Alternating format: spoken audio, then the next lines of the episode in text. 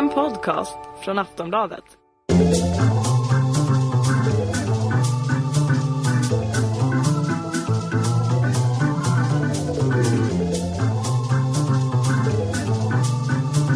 We don't need no education.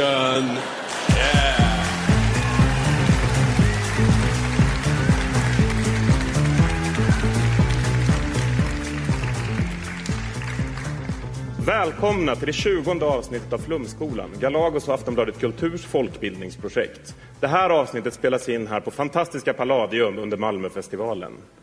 Inskrivna och redo för upprop i dagens avsnitt är inga andra än Nanna Johansson, komiker, satiriker, serieskapare. Hej! Tack så mycket. Hans Linde, riksdagsledamot Vänsterpartiet. Hej!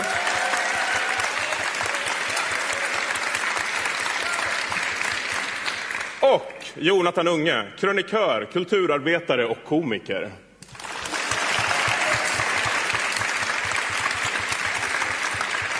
Och ständig studierektor här på Flumskolan är som vanligt jag, Johannes Klenell.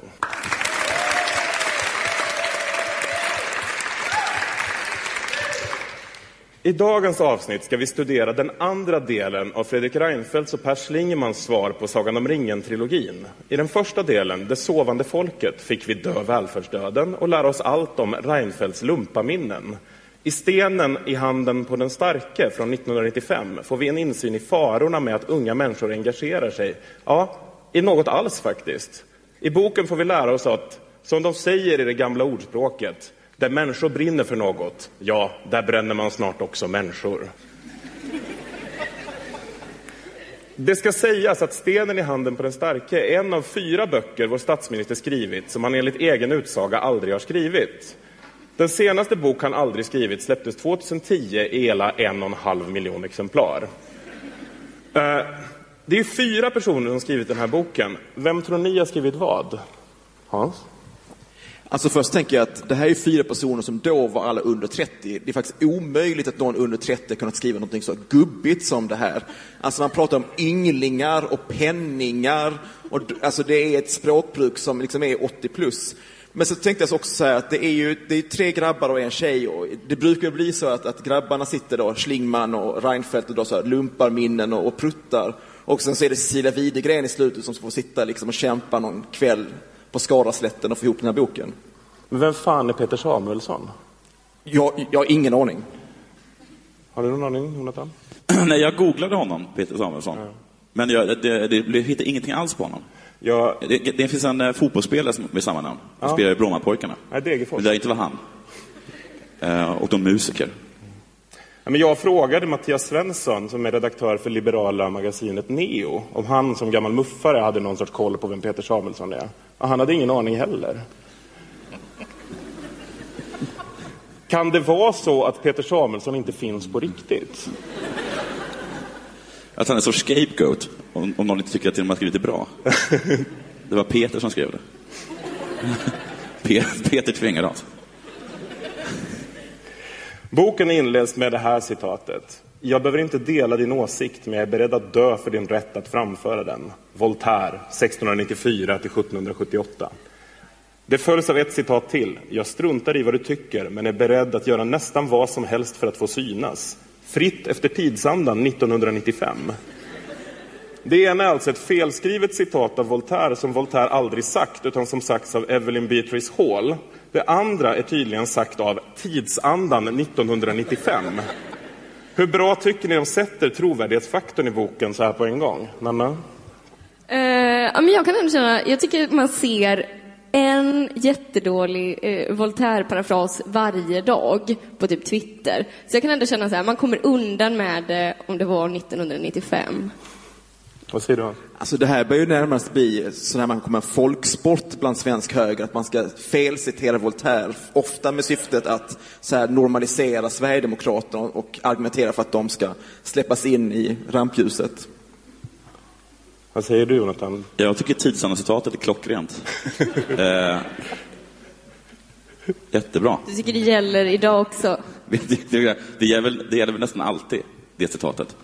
Det är bra att slänga in lite, lite pricksäkra citat som är allmängiltiga. Ehm, men annars är den här boken den är full med såna här saker att eh, den, den är väldigt... Eh, den är ju precis som du säger gubbig, men den är också att den förklarar saker i absurdum. Den förklarar till exempel vad demokrati är. Alltså i, Jättelänge. Men, men liksom börja med, vi kanske återkommer till det, men de börjar Nej, du liksom, kan ta det faktiskt. men de börjar liksom som eh, demokrati, det började i Aten, betyder folkstyre. Alltså, så den, är, den är upplagd liksom som, som när man skrev en, en uppsats på gymnasiet. Liksom.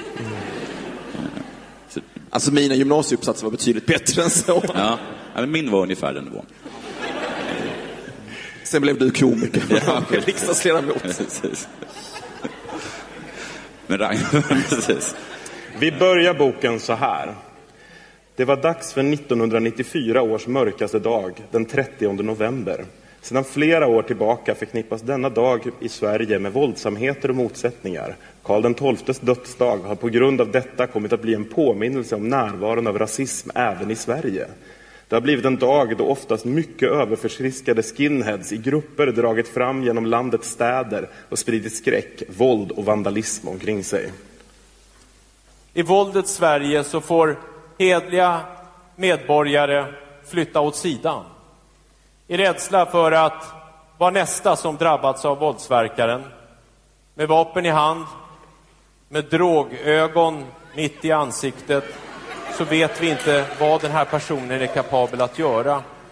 Alltså, det är Reinfeldt som har skrivit det här, va?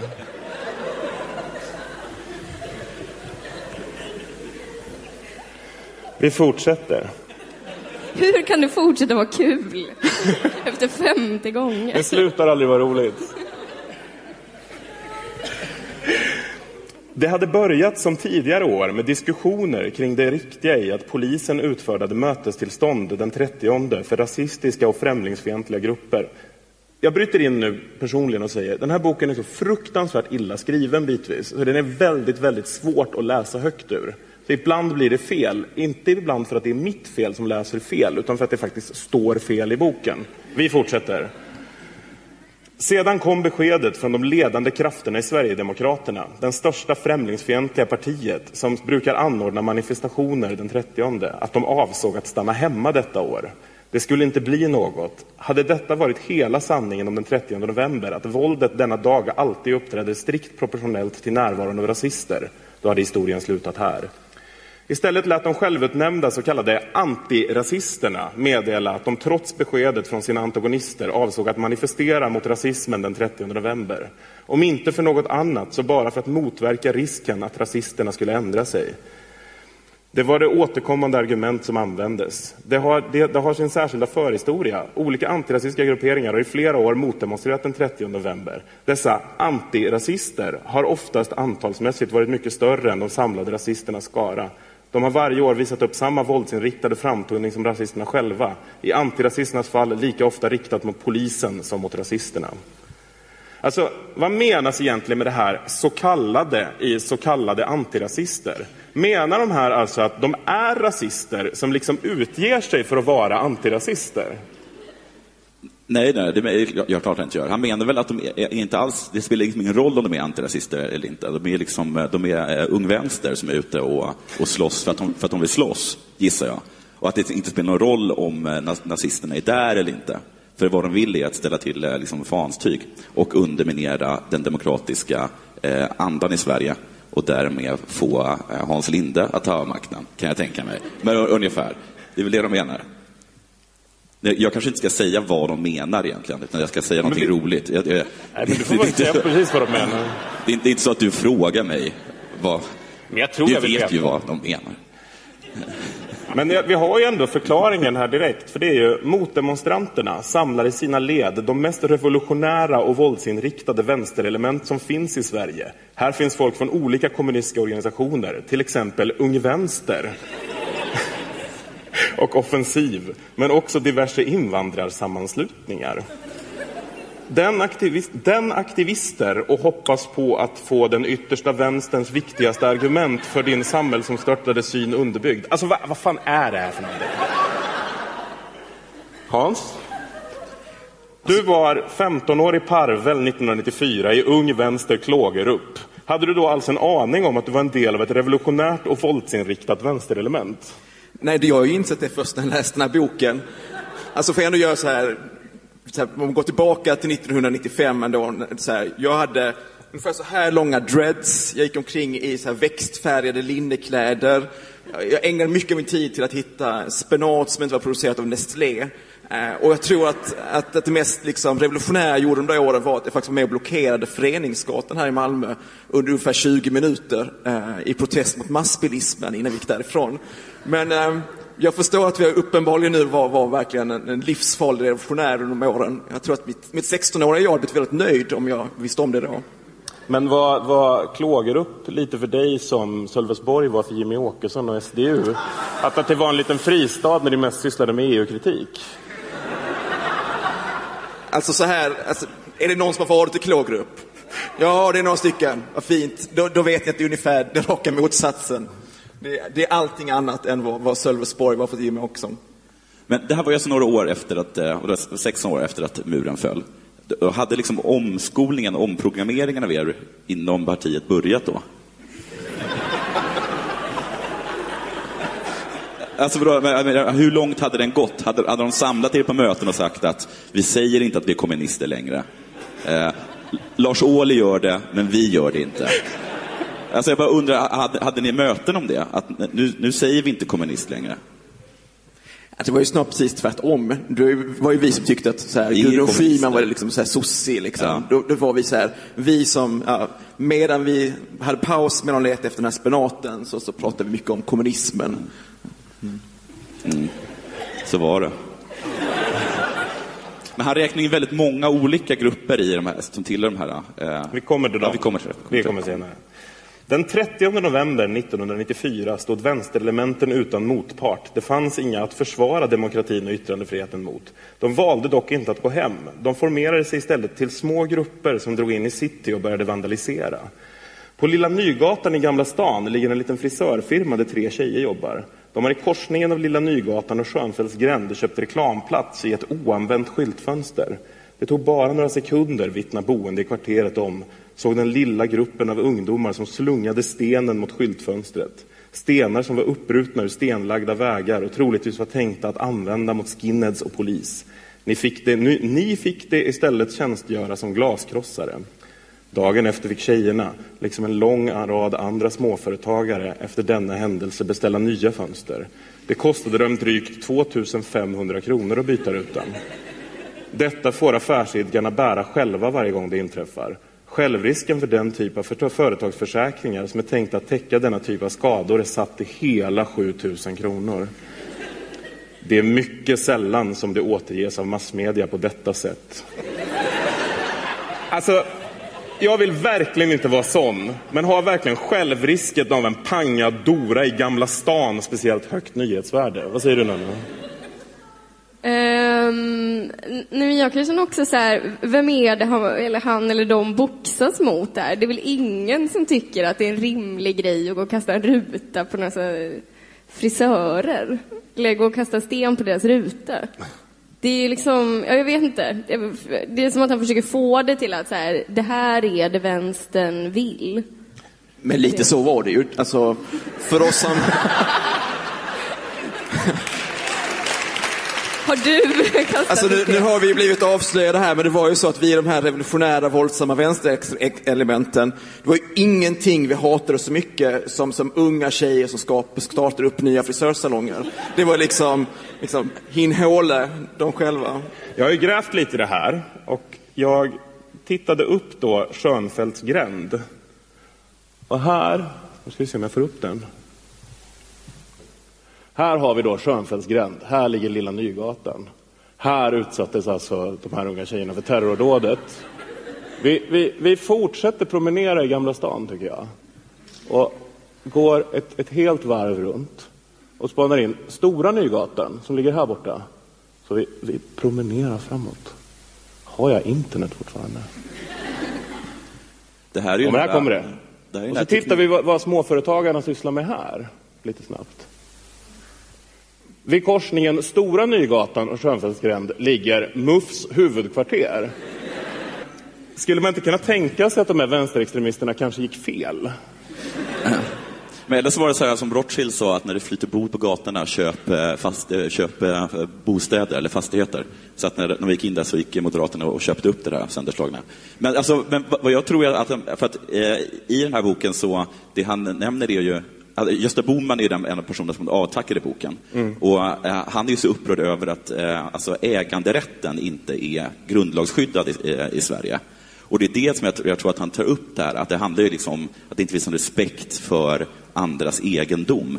Eh, och att ingen blir upprörd över att de förstör hans egendom. Jo, men alltså, jag fick min cykel stu- för stulen förra veckan och det är inte som att jag tycker att Lena Melin ska göra en politisk analys av det. Men, men, men, det- men jag vill bara återkomma till det att, att, vad heter det, att jag vet inte hur det var då, det kanske var mycket mer kommunistiskt 94. Eh, jag var ju så ung då. Men när det var de här kravallerna i Göteborg, då var det ju jättemycket snack om just att man hade förstört liksom, folks egendom. Precis som det var liksom, i de här, när det var kravallerna i Husby. Att det man liksom pushade på var ju att det var folks egen egendom som hade blivit förstörd. Liksom. Eh, Du säger egendom med sån glöd.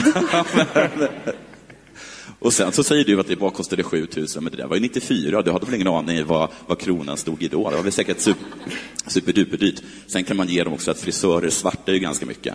Eh, så att, eh, Men det kommer vi till när de sa att det, att det tog dem flera dagar att jobba ihop den där, så, så är inte det sant. utan, eh, utan man har ju sett hur de suddar ut eh, eh, när man klippt sig, skrivit in nytt. Problemet är ju den unga generationen. Och Fredrik Reinfeldt och kompani skriver så här. Längtan att synas hos den individualistiska unga generationen är stor. Alla vill bemötas med respekt och den största rädslan är att bli som folk är mest. Otåligheten är också stor. Du vill synas redan som ung och orkar inte vänta längst bak i kön. Detta skapar grogrund för aktivism. Det viktiga är inte vad du tycker, utan att du har förmåga att finna kanalerna för att få ut ditt budskap, alternativt hur långt du är beredd att gå i olagliga aktioner för att förstärka din i sammanhanget underordnade åsikt.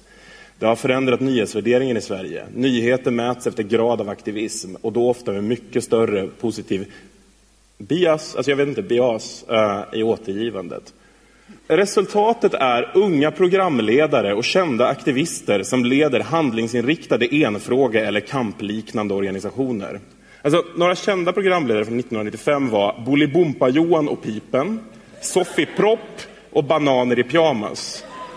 Men gör det de verkligen till typ Bader Meinhof i pyjamas?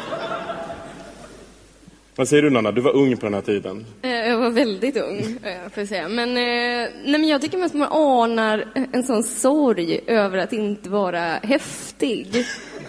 Varför får de häftiga mediamänniskorna all uppmärksamhet? Varför sitter vi här i våra chinos och skriver den här boken? Varför är det ingen som uppmärksammar det? Typ? Man ska också faktiskt komma ihåg att samma år som det här skrevs så, så kom också första eh, dokusåpan till Sverige, Real World Stockholm. Eh, och det, ja, det, var, det var någon som Hanna som, som mindes den. Eh, och det vet ju alla liksom att det startar ju liksom en våg av ny media som, som mycket påminner om terrorism. Att, Hade ni kabel-tv i Klågerup? Nej, nej, det hade vi inte. Jag tror att vi hade någon kompis inne i byn som man kunde åka in till och så här, titta på kabel-tv. Men det är liksom så här, Robinson Zubeide blev liksom vår tids Ulrike Meinhof. Det är väl liksom klockrent. Jag är lite imponerad av de här grabbarna och tjejerna, för jag tycker ändå att de har förutsett framtiden ganska bra. De varnar liksom för att, det- att det blir ytligt och sådana saker. Eh, Åh gud vad du ryser. Eh, Men de, de snackar om att, eh, att, att människorna kommer att, eh, eh, att mediemarknaden kommer bli- bli så uppdelad så att man kommer liksom bara se sin egen sanning. Eh, al- Alltså liksom lite alternativt eh, liksom eh, MS, MSNBC och liksom Fox, att man liksom bara ser sina egna kanaler. De, de varnar för eh, det nya IT-samhället och eh, gör även poäng av att det, det, att det är här framtiden eh, finns. Så vi kan hårda dem, men de, de såg det före oss. Schlingman såg det före oss. Ungdom. High five. Ungdomar i Sverige idag har aldrig upplevt diktatur och fåtalsvälde på nära håll. Ett fåtal har kommit i kontakt med odemokratiska länder. Det har ofta skett via tågluffing i Europa, Östeuropa innan muren föll eller via vänner som flytt till Sverige undan förföljelse i hemlandet. Förtryck och diktatur är något vi läser om i historieböckerna eller får oss till livs i tv-reportage från länder långt borta. Alltså, jag vet ingenting om de här moderaternas perspektiv, men de här vännerna som flytt till Sverige, varför räknas inte de in i formatet unga i Sverige idag?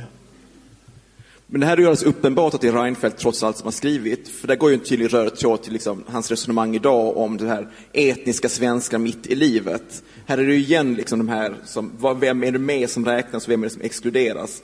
Här är väl de där som, som kom som flyktingar som aldrig fick vara ungdomar i Sverige. De är inte heller etniska svenska mitt i livet idag.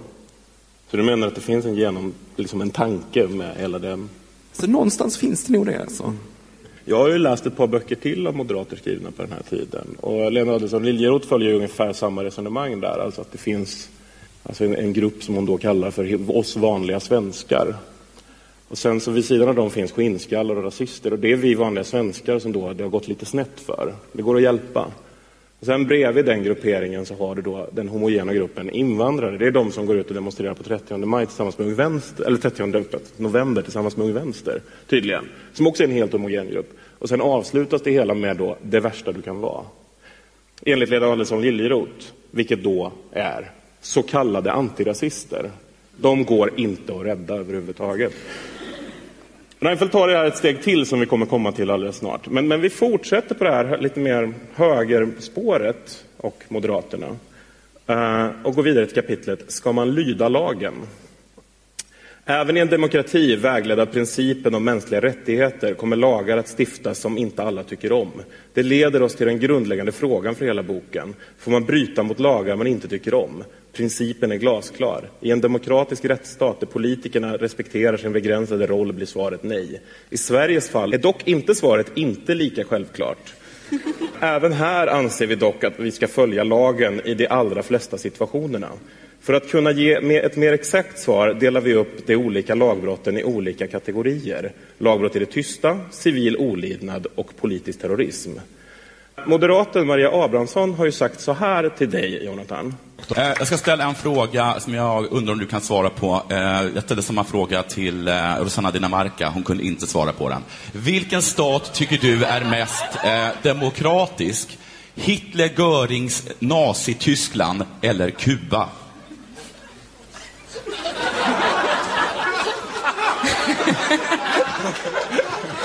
Stackars Jonathan. Ja, Gör mig inte besviken nu, det här är no-brainer. alltså, om du, du ställer frågan vem, vilken är mest demokratiskt. Om vi med demokratiskt menar demokratiska val. Judemördande Hitlers Tyskland Men eller alltså, Kuba. Ja, nej men det, alltså, Kom igen. vi, vi vet ju alla att Hitler blev jag- demokratiskt vald, så Ja. att säga. Så, att, För det- så det Jag la ju upp den här, så jag är liksom det borgerliga alibit. Jag la upp det här så du skulle bara kunna släma Nu Dinamarca. måste vi kräva ett svar från dig Maria. Kuba, det. du sa Jag, Nazityskland. Jag sa att Hitler var demokratiskt vald. Och det är väl svar på frågan? Ja. Ja, det var det inget svar, men vi får ändå tacka dig så hemskt mycket för att du kom hit. Maria Abrahamsson! Ge en...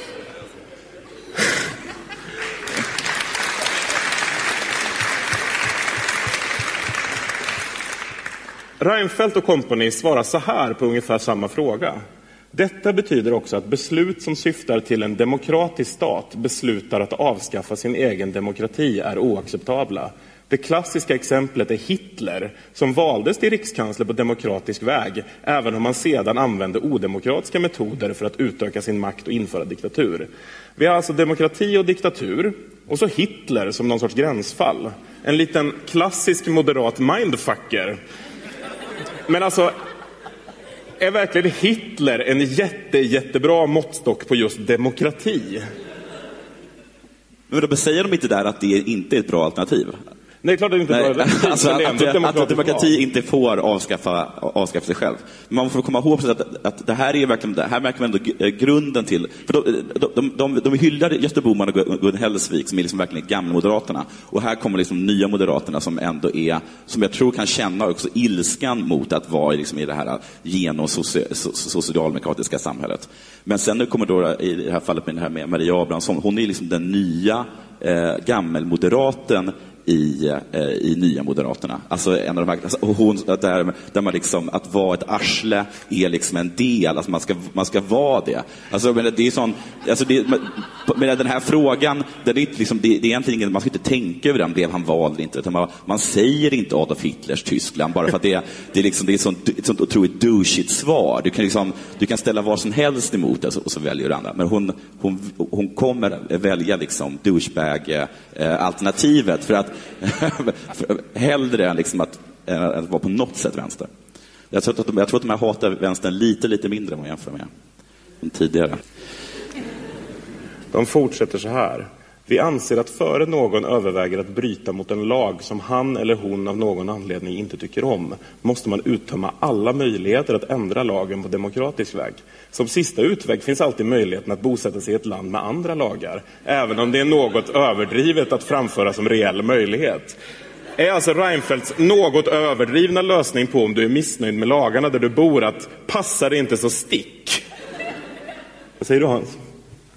Alltså, jag kan inte låta bli att reflektera över hur upprörd Moderaterna blev här i Malmö nyligen när, när man skrek en sista deportation, Tobias Billström över bron.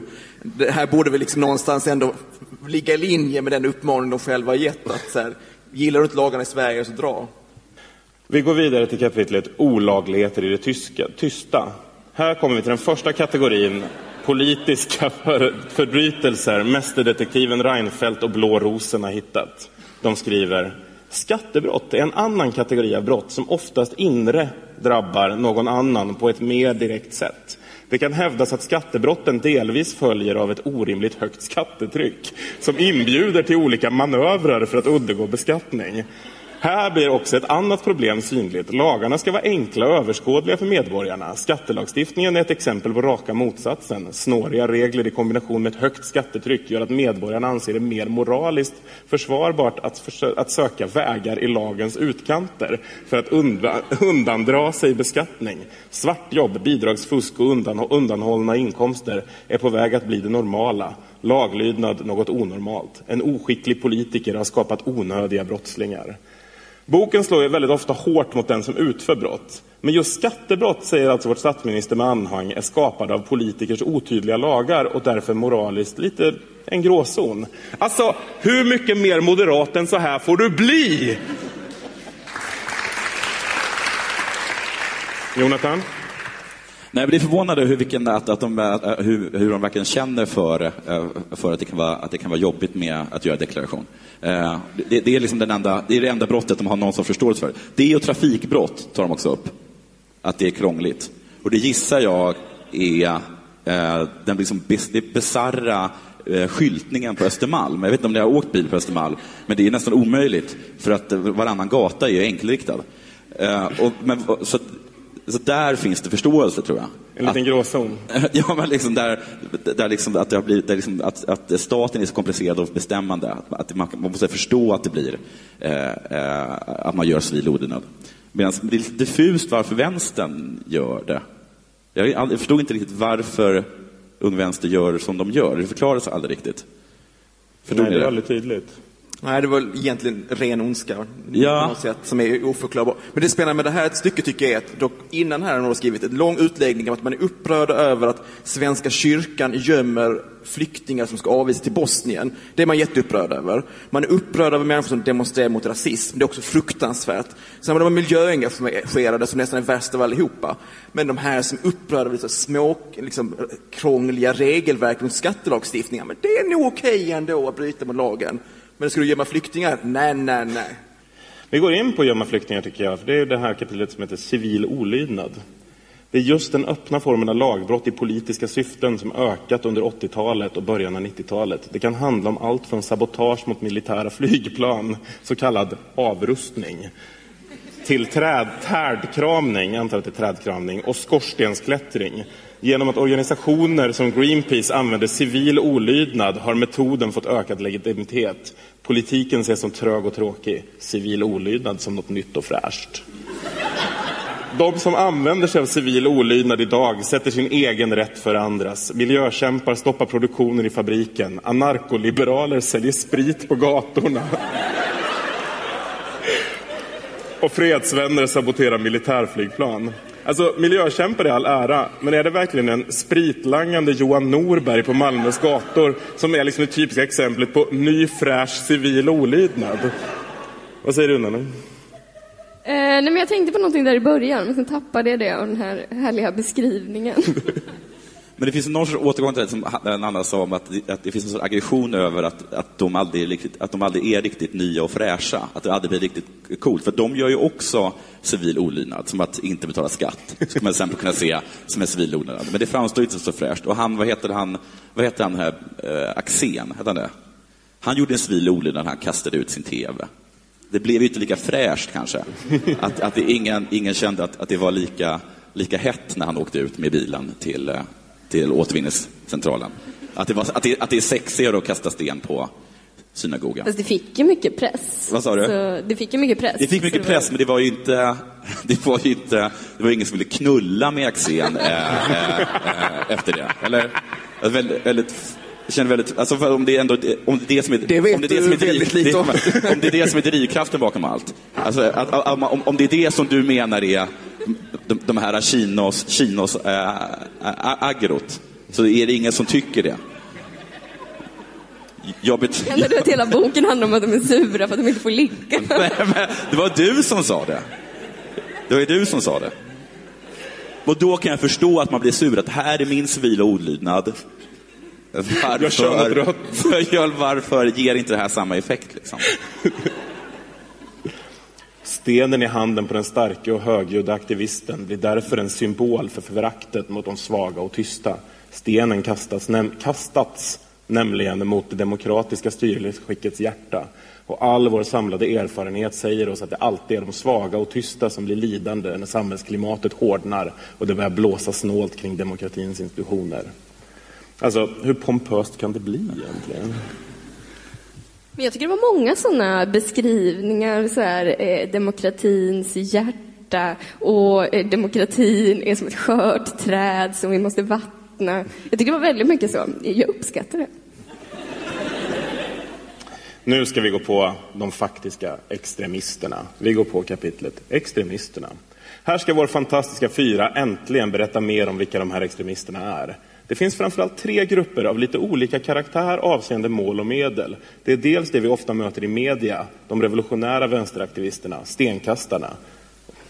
Men samma fenomen, fast med andra uttryck, står också att finna längst ut till höger. Hon Frihetsfronten och dess portalfigur Christian Gergils. Dessutom har vi sedan valet en ny grupp, nämligen de politiskt korrekta riksdagsledamöterna som sitter i parlamentet, men som samtidigt ser utomparlamentarismen som enda vägen till de nödvändiga förändringarna. Vi börjar med gruppen De autonoma slash Ung Vänster.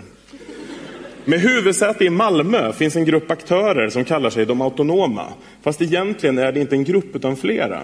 Likt tidigare i historien när det gäller extremister splittras grupper ofta upp under olika namn. Några grupper i denna autonoma rörelse, ty de är att betrakta som en sådan, är anti... Det där är fan Peter Samuelsson som skrivit är antifascistisk aktion. Djurens befrielsefront, autonoma antiimperialister, antiimperialister och folkligt missnöje. Bakom dessa grupper döljer sig dock ofta samma personer. De flesta har mycket nära band med Ung Vänster och Miljöpartiet. En av de främsta personerna bakom rörelsen är Mia Halvarsdotter. Hon är engagerad i Nej till EG, Stoppa rasismen, kvinnofrågor, självförsvarskurser och Stoppa bron. Hon om någon bevisar att dessa rörelser inte består av vanliga ungdomar som blivit förbannade på vuxenvärlden och gör revolt genom civil olydnad. Hon tillhör tveklöst den lilla grupp unga som skulle kunna påverka de andra och få access till medierna i alla fall. Hon kommer nämligen från en proffstyckare och helorganiserad familj. Hennes mamma heter Eva-Britt Svensson och var ordförande i Nej till EU. Hennes syster heter Jessica Halvarsdotter och leder porrmotståndet i Malmö. Alltså, hon är engagerad i tungt kriminella gäng som Nej till EG, Stoppa rasismen, kvinnofrågor, självförsvarskurser och Stoppa bron. Genom arvsynd genom sin mor kopplad till terrorrörelsen Nej till EU. Alltså, det är inte direkt kommando Holger Meins det här va? Det, märks att du inte var med i rörelsen mot, mot Öresundsbron. Det var, det, Nej, alltså, ja, nej, det här, blir, det här är ju så dumt så att det, det knappt är, är sant liksom. Eh, Och det är ändå under rubriken extremisterna. det här är ändå så här, nu har vi stegrat. Man brukar säga att var- varenda bok är skriven till en specifik avsändare, att författare skriver till en specifik person nästan när de skriver en bok. Och de, tackar Gösta Bohman. Och man får ju en känsla av att det är just till Gösta de har skrivit den här boken. Att det är en sorts prese- avgångspresent till honom. Där han får sitta och ligga, jaså, ja, det, det, det, det, det kunde jag ana. Alltså, hon håller på med sånt. Jojo. Ja, alltså, de, är, de håller på med sånt. Mhm, Så hade jag känsla av. Eh, alltså, men jag måste fråga dig med, med bron, skäms du för det? Alltså, var, du, var du där då? Och, alltså, du måste ju nu skämmas för det. Eller var du där? Stod du där med Olof Johansson och var orolig för att murtarna inte skulle komma in eh, till Östersjön? Alltså det var, det var ju ett jättestort problem att saltet inte skulle komma in och Ja, torsken skulle ja, ut. vågorna skulle stanna. Det fanns också någon slags eh, någon orkidé som bara växte på Lernacken som skulle utrotas Ja. ja. byggde denna bro. Åker du bron eller gör du som Olof Johansson, tar fortfarande färjan i, i, ren protest? Alltså det är väldigt tacksamt med Öresundsbron. Varje gång man får så här frågan så här, har du, ångrar du någonting eller så har du ändrat uppfattning? Och kommer så här, Öresundsbron. Jag, jag vill faktiskt erkänna, det, är- och det, det var inte så roligt att stå på Lernacken där liksom i, i regn och lera. Ja. Vi går över till en annan, kanske lite pinsam terrororganisation för vänstern. Vi går nu nämligen på terrororganisationen Kokosbollarna. Kokosbollarna hämtar sin rätt till lagöverträdelser från naturen. Ekosabotage är deras metod. Alltså, de hämtar sin rätt från naturen. Är det någon sorts druider vi pratar om? Jag tycker mer att det är eh, vänsterns svar på Hufflepuff. Så bara, kokosbollarna! Men jag vill bara säga att här när, när vi sitter och skrattar åt de här eh, fyra personerna som sitter och skrev. Jag vill bara säga att här, när just när de skrev de här, då sitter de och skrattar åt er. Vilka fåntrattar som kallar sig för kokosbollarna. Så sitter de och, och garvar över löjligt det. Det får man ändå ge dem. Att här är, här är de som skrattar. Jo, men här är det klart. Ja, ja. Kokosbollarna har bland annat samlat in namn för civila olydnadsaktioner mot motorvägsbyggena, blockerat arbetet på Vägverket i Solna, Förlåt. klistrat fast sig på Geoteknik ABs provborrningsflotte utanför Djurgården och blockerat trafiken på Norr Mälarstrand. De har alltså ett, samlat in namn, två, blockerat trafiken och tre, klistrat fast sig på en provborrningsflotte.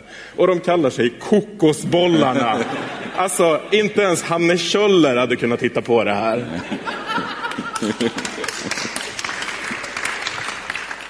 Det måste funnits så många tillfällen där de bara så här, okej, ska vi tänka över det här namnet en Ja. gång till? Är det någon annan som har ett förslag? Någonting, vad som helst.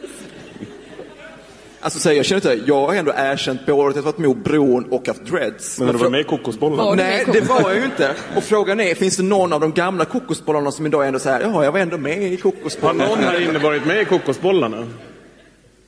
Nej. Ingen vill erkänna. Det finns ett mörkt förflutet där. Ja, men det Har- här borde de ju fokuserat på i boken. Att vänstern hade kokosbollarna. Men har egentligen firma Reinfeldt ett enda exempel på faktisk autonom terrorism i boken?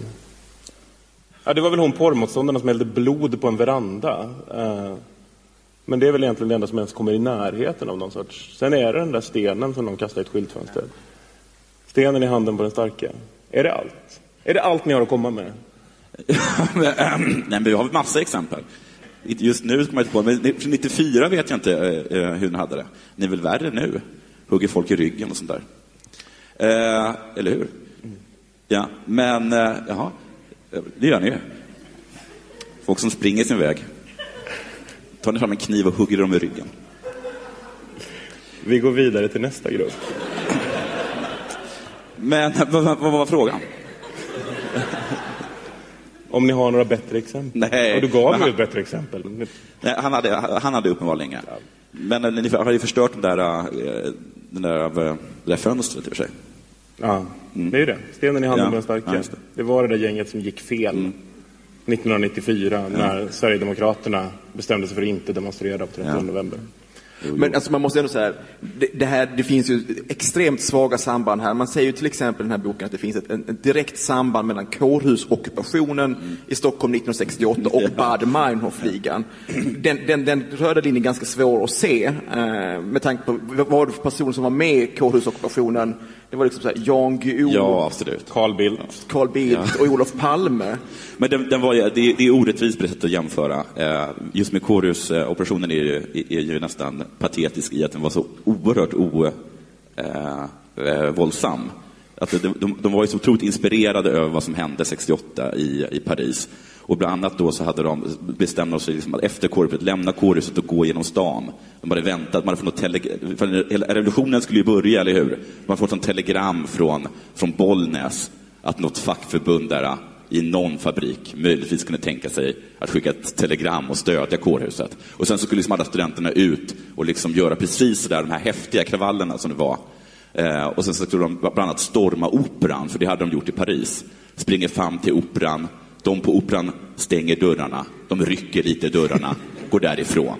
Ja, det, menar, det är oerhört mesigt. Sen så liksom slutar ju allting klockan fem, för då blir alla hungriga och ska gå hem och, och, gå hem och äta. Så där, men det är verkligen orättvist att jämföra den här patetiska vänstern som inte orkar dra extra hårt i en dörr och kan vänta med middagen, skjuta upp middagen till klockan sju eller någonting. Inte nödvändigtvis behöva äta middag prick klockan fem. Vi går vidare till nästa grupp. Politiskt korrekta riksdagsledamöter. Ett fenomen som uppstod i och med det ökande väljarstödet för Vänster och Miljöpartiet var att personer som aktivt stöder utommellanparlamentarisk verksamhet tog plats i demokratins högborg, riksdagen. Hanna Zetterberg, mer känd som Rövardotter, det är alltså hon som spelade Ronja Rövardotter, bara så det blir det. En för sina politiska förtjänster är en annan person som öppet stöder och medger att hon deltagit i aktioner. Eva-Maria Fast intervjuar henne delvis om de här frågorna i Vår bostad 10 1094. Där säger Hanna bland annat att hon skänker bort en del av sin riksdagslön till en särskild fond inom Ung Vänster. En fond vars pengar ska användas till utomparlamentariskt arbete. Som, till exempel på, som exempel på aktioner nämner hon bland annat aktioner mot porrindustrin. Hon har själv medverkat i sådana. Hanna Zetterberg måste vara en av de mest uppmärksammade nykomlingar i riksdagen någonsin. Hon uppfyller alla ingredienser av politisk korrekthet som man kan önska sig. Att hon samtidigt som hon har, innehar i demokratins förnämsta uppdrag, att vara folkvald i riksdagen, med sin skattefinansierade lön finansierar verksamhet som syftar till att ödelägga hela den demokratiska traditionen är tydligen den typ av dubbelmoral som accepteras av svenska journalister. Alltså, sett till den här boken, hur orimligt är det att Reinfeldt och gänget börjat misstänkliggöra Hanna Zetterberg för hennes nära kopplingar till det autonoma nät- nätverket Mattisrövarna? Vad säger du Nunn? Känner du att det finns en realistisk chans att även Mattisrövarna kan dyka upp bland kokosbollarna? Ja, alltså det hade varit mindre jobbigt namn. Men sett i föregående exempel av den autonoma rörelsen gör, är det då verkligen så himla farligt om en liten, liten, liten riksdagslön slinker ner i kokosbollarnas klisterkassa? Ja, men så här igen, liksom, så här, här märks ju bitterheten hos de här liksom, fyras gäng. Här har de tagit på sig sina bästa pärlhalsband, pressat kostymen, kammat sig, satt sig och väntat på medias komma. Och så går de bort till Ronja Rövardotter istället. Det är klart man blir bitter och besviken. Vi kommer till det lite längre fram. Vi går vidare till en annan grupp som Reinfeldt verkligen hatar och det är de man kallar för högerns lagöverträdare. Man skulle lätt kunna tro att civil olydnad och utomparlamentarism bara är ett fenomen på yttersta vänsterkanten. Men det är fel. Hos den yttersta högern, framförallt bland självutnämnda nyliberaler, förekommer det också. För vänstern är det kapitalismens förtryck som legitimerar lagöverträdelsen. För dessa högerkrafter är det statens förtryck. En titt i Frihetsfrontens tidning Nyliberaler säger ganska mycket om den verksamhet Frihetsfronten har kommit att använda sig av. Höst-vinternumret 1991 är mycket illustrativt. Redan på framsidan skvallras det om illegal spritklubb. Vänder man på bladet finner man en annons för kombinationsläkemedlet Resolve. Ett läkemedel mot baksmälla som är förbjudet i Sverige men som säljs i USA. Frihetsfronten importerar det olagligt och bjuder ut det till tidningens läsare. Några sidor längre fram följer ett reportage om flyktingar som medlemmar i Frihetsfronten gömt. Ytterligare några sidor längre fram bjuds den i Sverige förbjudna efterrätten i jelly ut till försäljning. Sedan följer en artikel om den klubb som skulle komma att bli Frihetsfrontens stora mediala genombrott. Deras svartklubb Trihitana på Sankt Eriksgatan 89. Därefter utbjuds det i Sverige förbjudna läkemedlet iDu till försäljning. Följt av hembränningsapparaten Otto. Sedan under titeln Fria marknaden erbjuds säljare och köpare av svart arbetskraft reklamplats. Nästa sida, reklam i Sverige förbjuden givetvis av Gordons gin. Avslutningsvis täcker G&B's whisky reklam baksidan. Alltså svartklubbar, kombinationsläkemedel, gömda flyktingar, iDu, hembränt och svart arbetskraft. Alltså låter inte det här som vilken utekväll på Möllan som helst? Vad säger du Nanne? Eh, Ja, kanske om man har ett lite mer spännande liv än vad jag har. Men äter de verkligen jelly på Möllan idag? nom, nom. Det är varje efterfest. Men vad är det som får honom att avsky de här så mycket? Alltså varför han tycker så Varför illa om dem? de här så mycket? Ja, men, eh, om, vi, om vi utgår, alltså är vår, är vår tes att de är sura för att de inte får ligga? Alltså för det känns lite som att det är vår tes här.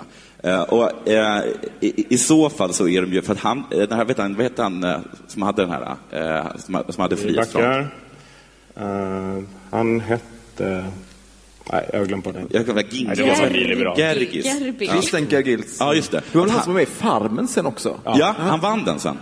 eh, och han, han, han och, och vad heter han, Mats Hinse och de, eh, de, de startade den här. Och de måste ha varit de coola killarna. De måste liksom ha varit, det är liksom den coola högen. De knarkade, de knullade, de, vad heter det, de, eh, de gömde liksom invandrare på skoj. De, hade, liksom, de, var, de gjorde massa coola grejer. Eh, och jag kan tänka mig att, och de, och jag- de var ju lite kompisar. De, jag får mig att de umgicks lite med dem eh, liksom, eh, vid, vid sidan om. Och att de liksom fick komma in på festen. De, de kanske inte ens fick komma in på festen.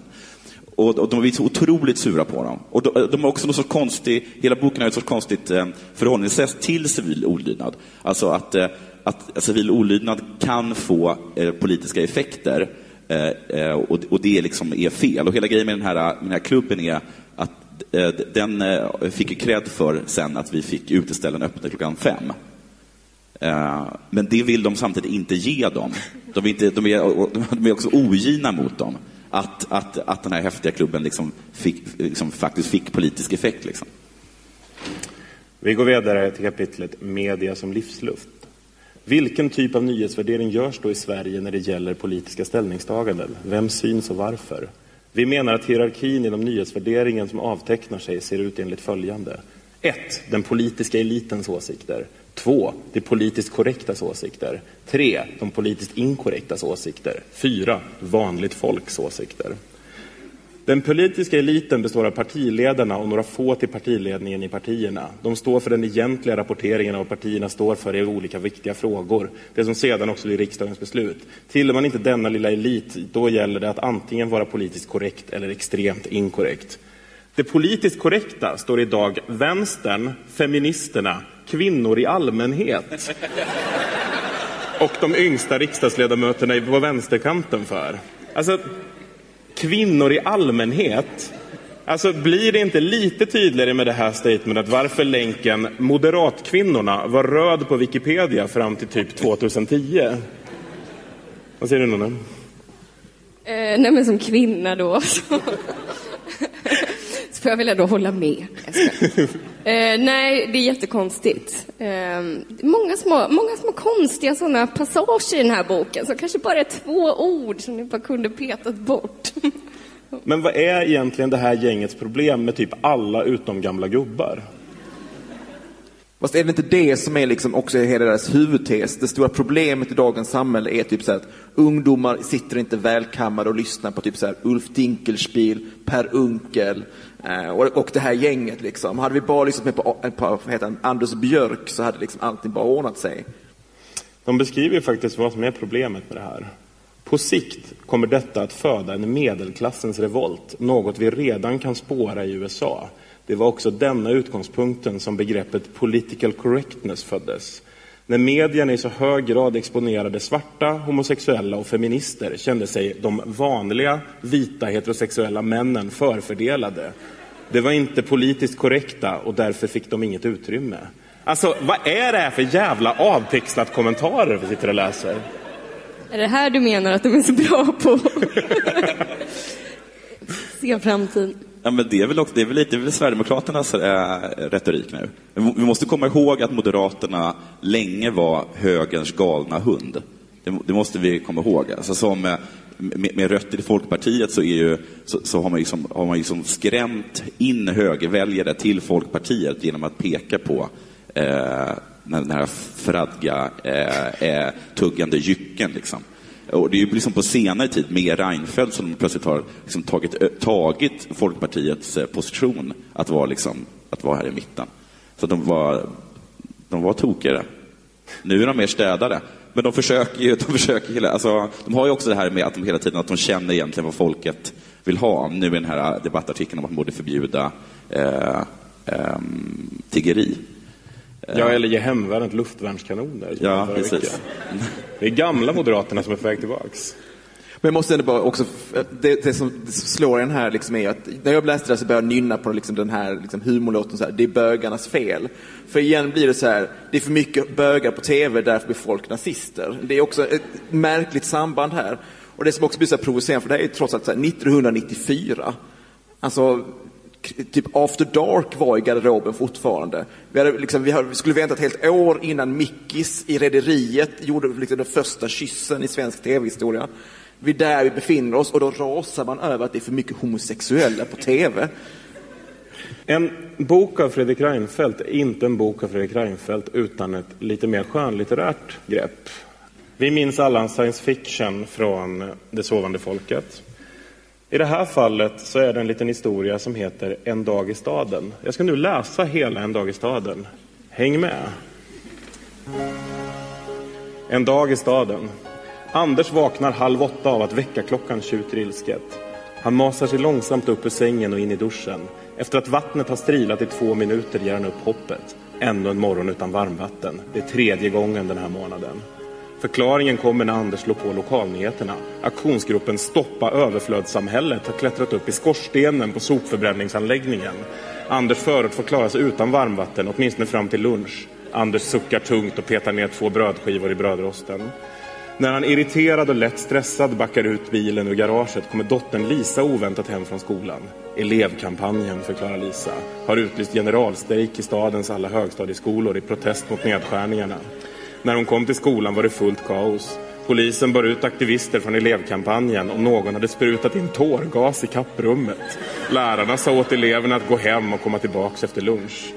Sådana typer borde spärras in, tänker Anders, rätta till slipsen och kör den välbekanta vägen mellan de morgontrötta husen ut mot motorvägen. Han svänger upp på motorvägen och fortsätter in mot stan. Efter tio minuter står trafiken helt stilla. Anders slår över bilstereon till lokalradiokanalen. En upphetsad demonstrant från stadens miljövärn skriker in i reporterns mikrofon. Någon måste sätta stopp för massbilismen. Politikerna bara pratar, men vi tar ansvar för miljö och vår framtid. Därför sittstrejkar vi här idag. Jävlar, nu blir jag sen till jobbet och får ta med mig alla papper hem ikväll, tänker Anders. Jag skulle ju följa med Olle till fotbollsmatchen. En halvtimme senare kör polisen med påsagna blåljus förbi vägrenen och ytterligare en timme senare kommer trafiken igång igen. Anders rusar in på kontoret strax innan elva med andan i halsen.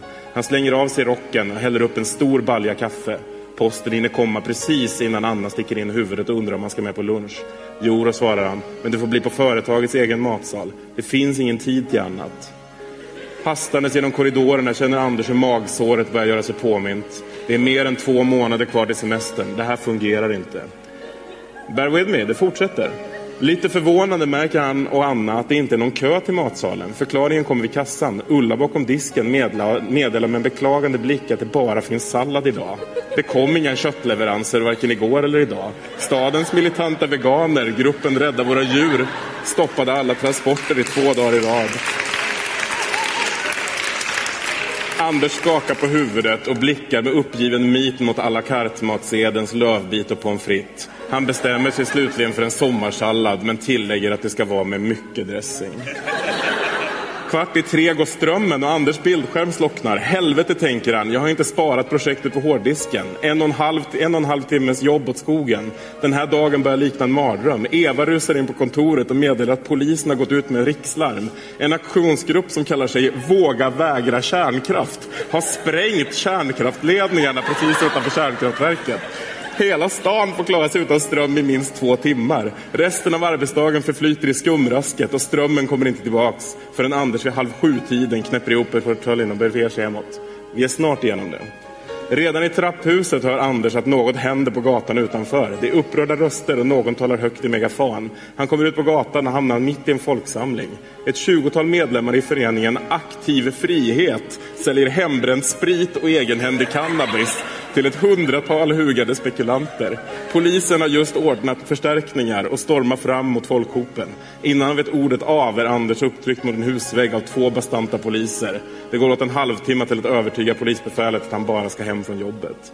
Med en känsla av desperation och irritation blandad med trötthet beger sig Anders mot bilen. Väl framme får han en chock. Alla bilar på den lilla sidogatan har blivit vandaliserade.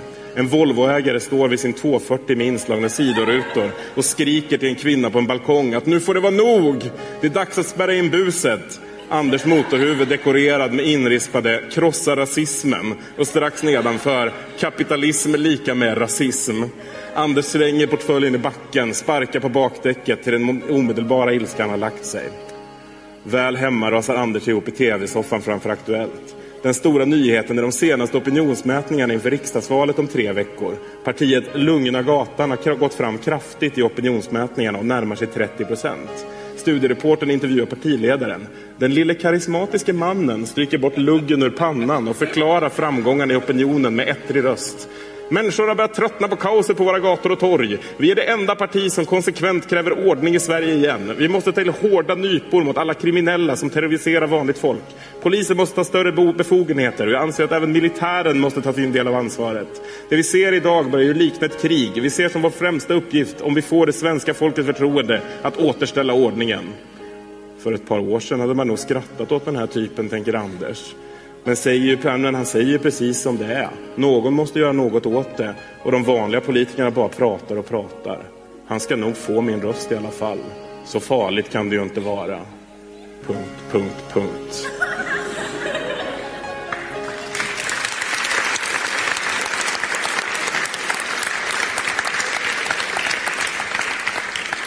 Når alltså Reinfeldt slutsatsen att om vi inte slutar demonstrera för fred och en bättre värld omedelbart så kommer Hitler ta makten. Det är en dålig dag han har också, Anders. Alltså, man kanske önskar att den autonoma vänstern kan eh, schemalägga bättre. Att de inte behövde göra allting just den där dagen. För de fuckade verkligen till den där dagen. Speciellt det med köttet. Man ändå får ändå ge. Svårt att inte få en tår i ögat. Det är liksom inte mat utan kött. Jag sitter med och känner så här, alltså Reinfeldt, så här Nobelpris litteratur. Det kommer inte. Det avslutande citatet kommer från kapitlet Att förändra för att bevara.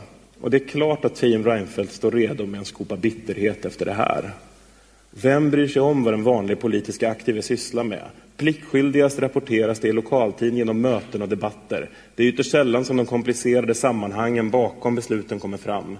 Det som inte kan sägas på en halv minut i tv är inte ens värt att fundera på. De enda politiker som utgör undantaget är partiledarna och några enstaka tunga företrädare i de politiska partierna. Ytan blir viktigare än innehållet. Bear with me now. Ett tydligt exempel är de nyvalda ledamöterna i riksdagen. Utan att göra anspråk på någon vetenskaplighet vågar vi påstå att av de nya ledamöterna i riksdagen har tre, fyra stycken tjejer med invandrarbakgrund fått hälften av all massmedial uppmärksamhet hittills. Alltså, i hela den här boken så har nog inte något sannare skrivits, alltså en raden utan att göra anspråk på någon som helst vetenskaplighet. Hur fan tror ni de kom fram till den här slutsatsen? Hans? Ja, men det är väl en sån klassisk så här, de, de är ju som, som fyra små gubbar i, i ungdomars kroppar här alltså. Det är klassisk så här, gubbtolkning. Här har vi liksom någon, så här, någon ung person som kommer fram snabbt i politiken. Det beror nog på att det, det är en kvinna eller invandrare. Det kan inte handla om att det här kanske är ledamöter som är duktiga eller kompetenta eller någonting att säga. Alltså den här gubbbitterheten är ju liksom helt drypande. Fast det är ytterst ovanligt att den kommer redan när man är vad är den här, han som inte vet vem det är? Han är väl typ 24 eller någonting när han Ja, det hon är väl 21. Ja, ja. Och är gubbgrinig redan. ja. Eh, ja, nej, men det, det är imponerande. Och de kan ju trösta sig med att eh, sen dess så har det varit en tre, fyra killar eh, utan invandrarbakgrund som har varit typ statsministrar. så det kanske är ett litet tröstpris för den orättvisan. Men det är konstigt att de är, att de är, så, att de är sådär... Man brukar säga att man tänker med, med, med hjärtat när man är ung och med hjärnan när man är, man är gammal. Och därför så är man moderat när man är äldre och ung när man är vänster. Ung när man är vänster. Ja. Nej, vad säger jag? Ja. ja, det är samma sak. Man är vänster, man är ung. Och det jag kommer ihåg att min morfar som var supermoderat, han, eh, han eh, var så glad när jag gick med i Ung Vänster. Eh, För då kände han att jag är på rätt väg. Att jag, att jag, liksom, jag följer bara jag, jag följer bara det naturliga. Jo, för jag berättade, för att jag hade gått med i Ung Vänster för att jävlas med morfar. Och så, så, så, jag sa jag det på någon, och så tog han in och talade med mig och så sa han att du vet att Olof Palme eh, var ung moderat. Jag en klapp på axeln. För att det är liksom fel väg, det är fel väg att gå. Liksom. Då blir, eh, är man moderat som ung, då blir man Olof Palme. Och det är ju det värsta som finns. Enligt morfar då. Sen finns det många som tycker bra om Palme. Vem ska läsa den här boken då? En Nanna? korrläsare.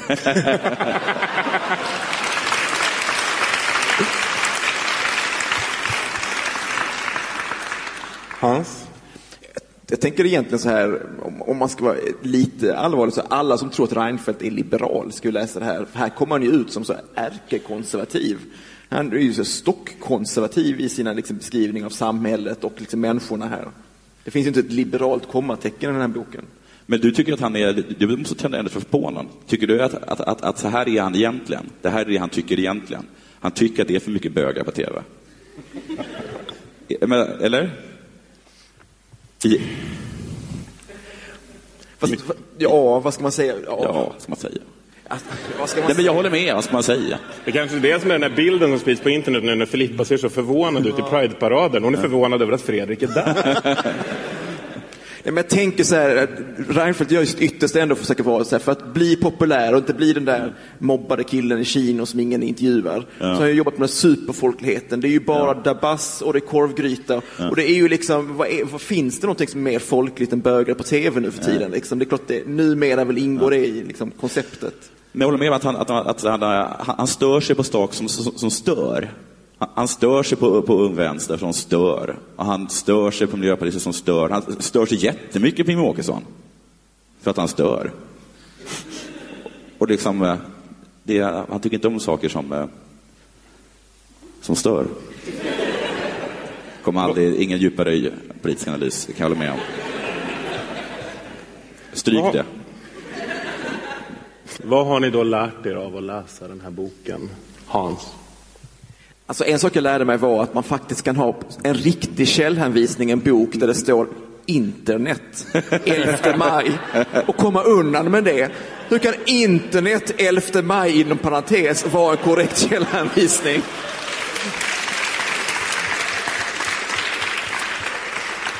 Jag ska börja köra mycket mer med politiken. Vad får du därifrån? Det där påståendet? Internet 11 maj, tror jag. Nanna? Eh, Jag har lärt mig allt om demokrati. det är på 40 sidors genomgång. Så. Ja, det blir att, vad vi lärt oss att det blir lite löjligt när man, eh, eh, när man ska eh, på något sätt göra en litterär skildring av sin politiska eh, vision eller sin politiska skräck. Det gäller Greider och det gäller Aten också. Jag har i alla fall lärt mig att Ung Vänster är en terrororganisation, att Fredrik Reinfeldts karriär som författare håller jämn nivå med George W. Bushs måleri. Och framför allt har jag lärt mig att aldrig låta kokosbollar och klister falla i fel händer. Eh, teatergruppen Nationalscen sätter för övrigt upp Stenen i handen på den starke som teaterföreställning med premiär 1 september på Teater Alma. Så om ni vill veta mer om Fredrik Reinfeldts författarskap så bör ni kolla upp Nationalscen. Med de orden är Flumskolan slut för idag. Ett stort tack till Hans Linde, Nanna Johansson och Jonathan Unge. Och ett stort tack till er i publiken.